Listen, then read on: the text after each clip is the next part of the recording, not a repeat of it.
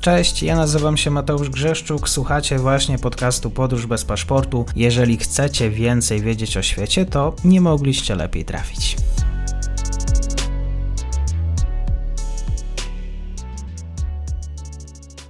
Partnerem podcastu jest szkoła językowa szybkiangielski.pl. Ułatwiamy naukę języka. Dzień dobry Państwu, dzień dobry wszystkim słuchaczom. Mam dzisiaj wielką przyjemność gościć po raz pierwszy na kanale pana Dominika Masełbasa, prezesa Almazdaru, arabistę, magister arabistyki, islamistyki. Bardzo dziękuję panie Dominiku, wielka przyjemność. To ja bardzo dziękuję i to czysta przyjemność móc uczestniczyć w programie. Dzisiaj oczywiście Bliski Wschód. Całkiem niedawno, jeżeli słuchacze są z nami już od y, powiedzmy miesięcy, to myślę, że mogą sobie Państwo przypomnieć audycję, w której informowaliśmy o tym, jak książę Hamza chciał obalić króla Jordanii, jak chciał być może wydrzeć koronę z rąk przyrodniego brata. Oczywiście tu ten kryzys y, królestwa haszymickiego, który mówi się o tym, że to był jeden z tych większych. Długa cisza, aż w końcu koniec maja król Jordanii Abdullah II nałożył ograniczenia na ruchy, na zamieszkania miejsce i właściwie taką komunikację swojego przyrodniego brata, księcia Hamzy. Tutaj znów e,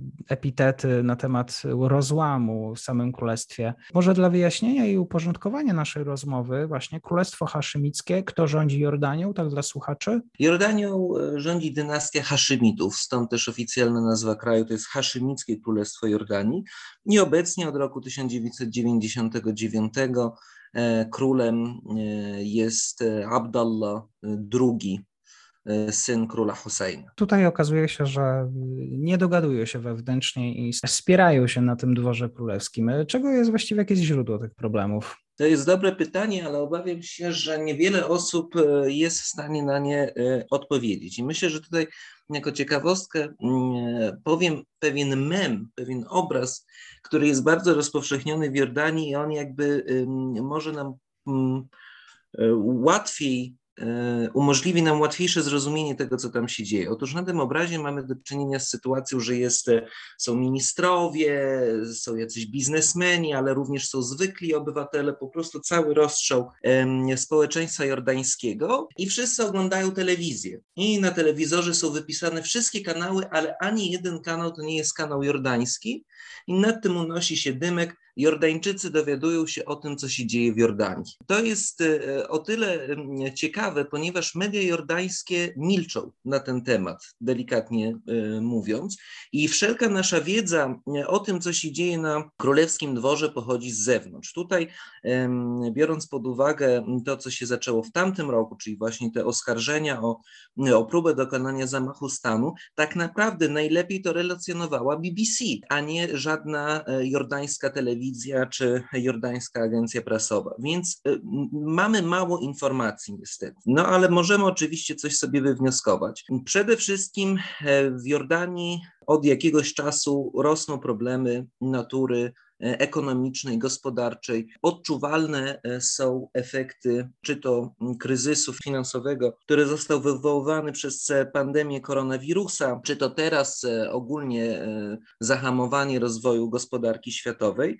No i przez to poziom życia się obniża w Jordanii. E, no a to oczywiście zawsze e, powoduje e, wzrost pewnych napięć, wzrost niezadowolenia z władzy i, i próbę szukania osób bądź partii, bądź ugrupowań, które akurat mają receptę na to, aby tą sytuację polepszyć. I istnieje duża szansa, że jest spore grono Jordańczyków, które upatrują w księciu Hamzie nowej siły politycznej albo osoby, która dzięki której wiele problemów udałoby się e, rozwiązać. Przy czym, czy tak by de facto było, e, trudno nam, e, hmm. trudno nam to powiedzieć i trudno określić je w jakikolwiek sposób ocenić tą kwestię. Jeżeli chodzi o reakcję tutaj Jordańczyków, rozumiem, że oni też nie, nie, nie mają okazji przyglądać się, tak jak Pan wspomniał, i właściwie i też pytanie, na ile właściwie ten dwór królewski jest otwarty na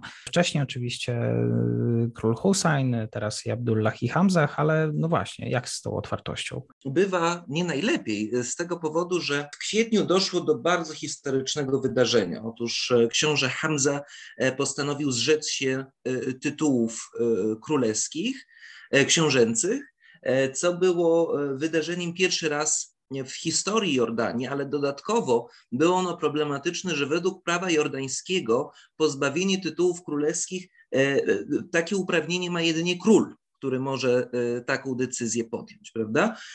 No i Dwór jordański po tym ogłoszeniu milczał przez kilka ładnych dni, więc również widać, że jest to sytuacja bardzo niewygodna, ponieważ pomijając aspekt władzy, no to również pokazuje pewne problemy w rodzinie, tak? Bo jednak mamy do czynienia tutaj z monarchią.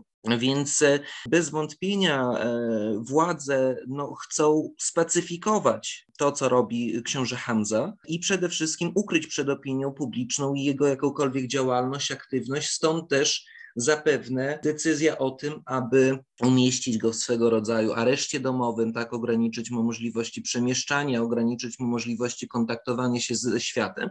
Szczególnie, że ostatnio mm, dostało się mm, do mediów, wyciekło takie nagranie, w którym on e, mówi o tym, że w Jordanii szerzy się korupcja, o tym, że są poważne problemy gospodarcze, że są poważne problemy społeczne. Tak więc była jasna, e, nie padło imię króla, no ale była jasna krytyka w stronę osób trzymających władzę.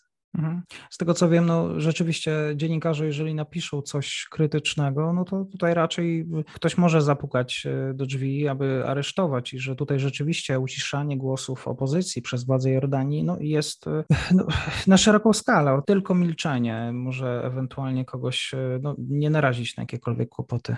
Przy czym też pamiętajmy, skąd to się to bierze. Oczywiście chęć utrzymania władzy jest, jest zawsze ważna i jasne, ale też pamiętajmy, że Jordania jest dość specyficznym krajem, e, jeśli chodzi o państwa regionu, ponieważ ona pełni funkcję swego rodzaju kraju buforowego.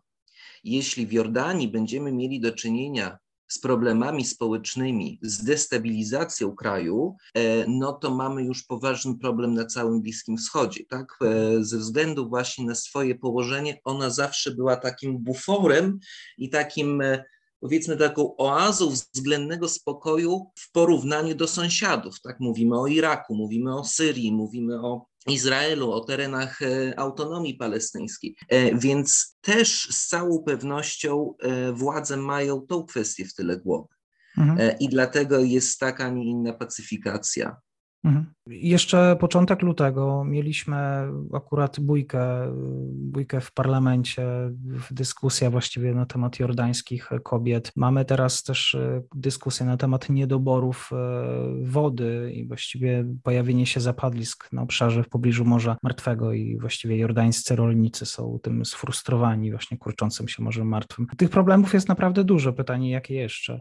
To są myślę, że jedne z głównych. No woda to jest takim problemem, problemem, które już w analizach różnorakich politologów i geopolityków już w latach 70. i 80. mówili, że kolejna wojna światowa to będzie wojna o wodę w regionie Bliskiego Wschodu. Faktycznie jest to, jest to bardzo problematyczne, ale do tego dochodzi systematyczny wzrost bezrobocia. E, szczególnie ten wzrost bezrobocia e, ma miejsce w przypadku osób młodych, które no, nie mają żadnego dobrego startu, nie mogą mhm. wkroczyć na ten rynek, rynek pracy po raz pierwszy. Kolejna kwestia turystyka. Pamiętajmy, że Jordania nie jest bogatym krajem, jeśli chodzi o zasoby naturalne i tutaj faktycznie jednym z głównych źródeł utrzymania gospodarki kraju jest turystyka. Turystyka, która e, no, zamieniła się w stan e, absolutnego upadku w czasie pandemii koronawirusa. Jordania dodatkowo, e, dodatkowo miała jedne z bardziej restrykcyjnych przepisów, jeśli chodzi o wjazd, więc faktycznie tej turystyki przez dwa lata nie było. Setki osób po prostu straciło pracę e, z dnia na dzień i, i byli pozostawieni sami sobie. Co prawda teraz to się powoli odbudowuje, ale nawet ja będąc w Jordanii miesiąc temu, ja pamiętam jak wyglądała Petra, czy jak wyglądały e, ulice Ammanu e, w kwietniu na przykład przed pandemią, tak? No to była niepo, nieporównywalna liczba turystów, tak? Mimo odbudowywania się to to są jeszcze nadal małe ilości, e, więc tych problemów jest, jest masa, no a wszystkie koncentrują się wokół kwestii, kwestii finansowej. No wiadomo, że, że, że to głód jakby jest pierwszym motorem mhm. napędowym wszelkich rewolucji i wzrostu niezadowolenia. To na zakończenie chciałem zapytać jeszcze o tę wodę, która jest kluczowa. Mówiłeś o jakimś takim wodociągu e, z Izraelem. E, wiem, że też akurat tutaj akurat było sporo, pojawiło się sporo pytań e, na temat tego, czy, czy Izraelczycy taką wodę mogą e, pompować, może tak nazwijmy, w stronę Jordanii. To też rodziło obawy, jeżeli chodzi o konflikt wodny, bo mamy oczywiście e, Irak, zmniejszone właśnie opady deszczu. E, woda staje się w Jordanii tym towarem deficytowym. Czy Izrael miał być tym remedium na te wszystkie problemy? Pewnie w jakimś stopniu tak. Przy czym tutaj jest dość poważny i specyficzny problem dyplomacji jordańskiej i stosunku Jordanii do Izraela, bo on jest bardzo zmienny e, w zależności od tego, o jakiej, e, w jakiej porze roku rozmawiamy, ponieważ jak tylko coś się dzieje na terenach strefy gazy, na terenie zachodniego brzegu, a dzieje się to najczęściej w przypadku różnorakich rocznic, a więc pierwsza połowa, połowa roku, to te stosunki na linii Jordania-Izrael są złe, no i oczywiście wszystko upada, rozmowy upadają, nie mamy o czym mhm. rozmawiać, tak? Ale później już przychodzą wakacje, wszyscy studzą emocje i zaczyna się e, po raz kolejny rozmowa, więc Trudno powiedzieć, na jakim etapie y, teraz to wszystko działa. No oczywiście takim centralnym planem jest to, żeby pompować wody z Morza Czerwonego y, do y, Morza Martwego. Pytanie, jakie, jaki to będzie miał wpływ na Morze Martwe, tak? jakie będą mhm. ekologiczne konsekwencje tego czynu. No ale tutaj też trzeba wspomnieć o roli Zjednoczonych Emiratów Arabskich, które też chciałyby się włączyć w powiedzmy trójstronny projekt Emiraty, Izrael, Jordania, mający na celu właśnie znalezienie odpowiedniego rozwiązania w kwestii, w kwestii wodnej. I myślę, że chyba to należy najbardziej obserwować to mhm. też e, widoczne jest absolutnie ogromne zaangażowanie Emiratów w kontakty z Izraelem, że te stosunki po prostu e, to jest modelowy przykład na to, jak w błyskawicznym tempie można e, rozwijać stosunki bilateralne i każdego dnia na wyższy poziom je wnosić. Chyba w tym projekcie należy, należy upatrować jakiś szans na poprawę tej sytuacji mhm. wodnej. Kryzys w pałacu, kryzys gospodarczy i również kryzys wodny dzisiaj na ten temat komentarz e, pan Dominik Masełba z e, Almastar. Bardzo dziękuję. Dziękuję uprzejmie. I to już koniec na dzisiaj. Zapraszam na profil podcastu Podróż bez paszportu na Facebooku, Instagramie i Twitterze. Zachęcam też do wsparcia mojej pracy na serwisie Patronite oraz Buy Coffee. Do usłyszenia.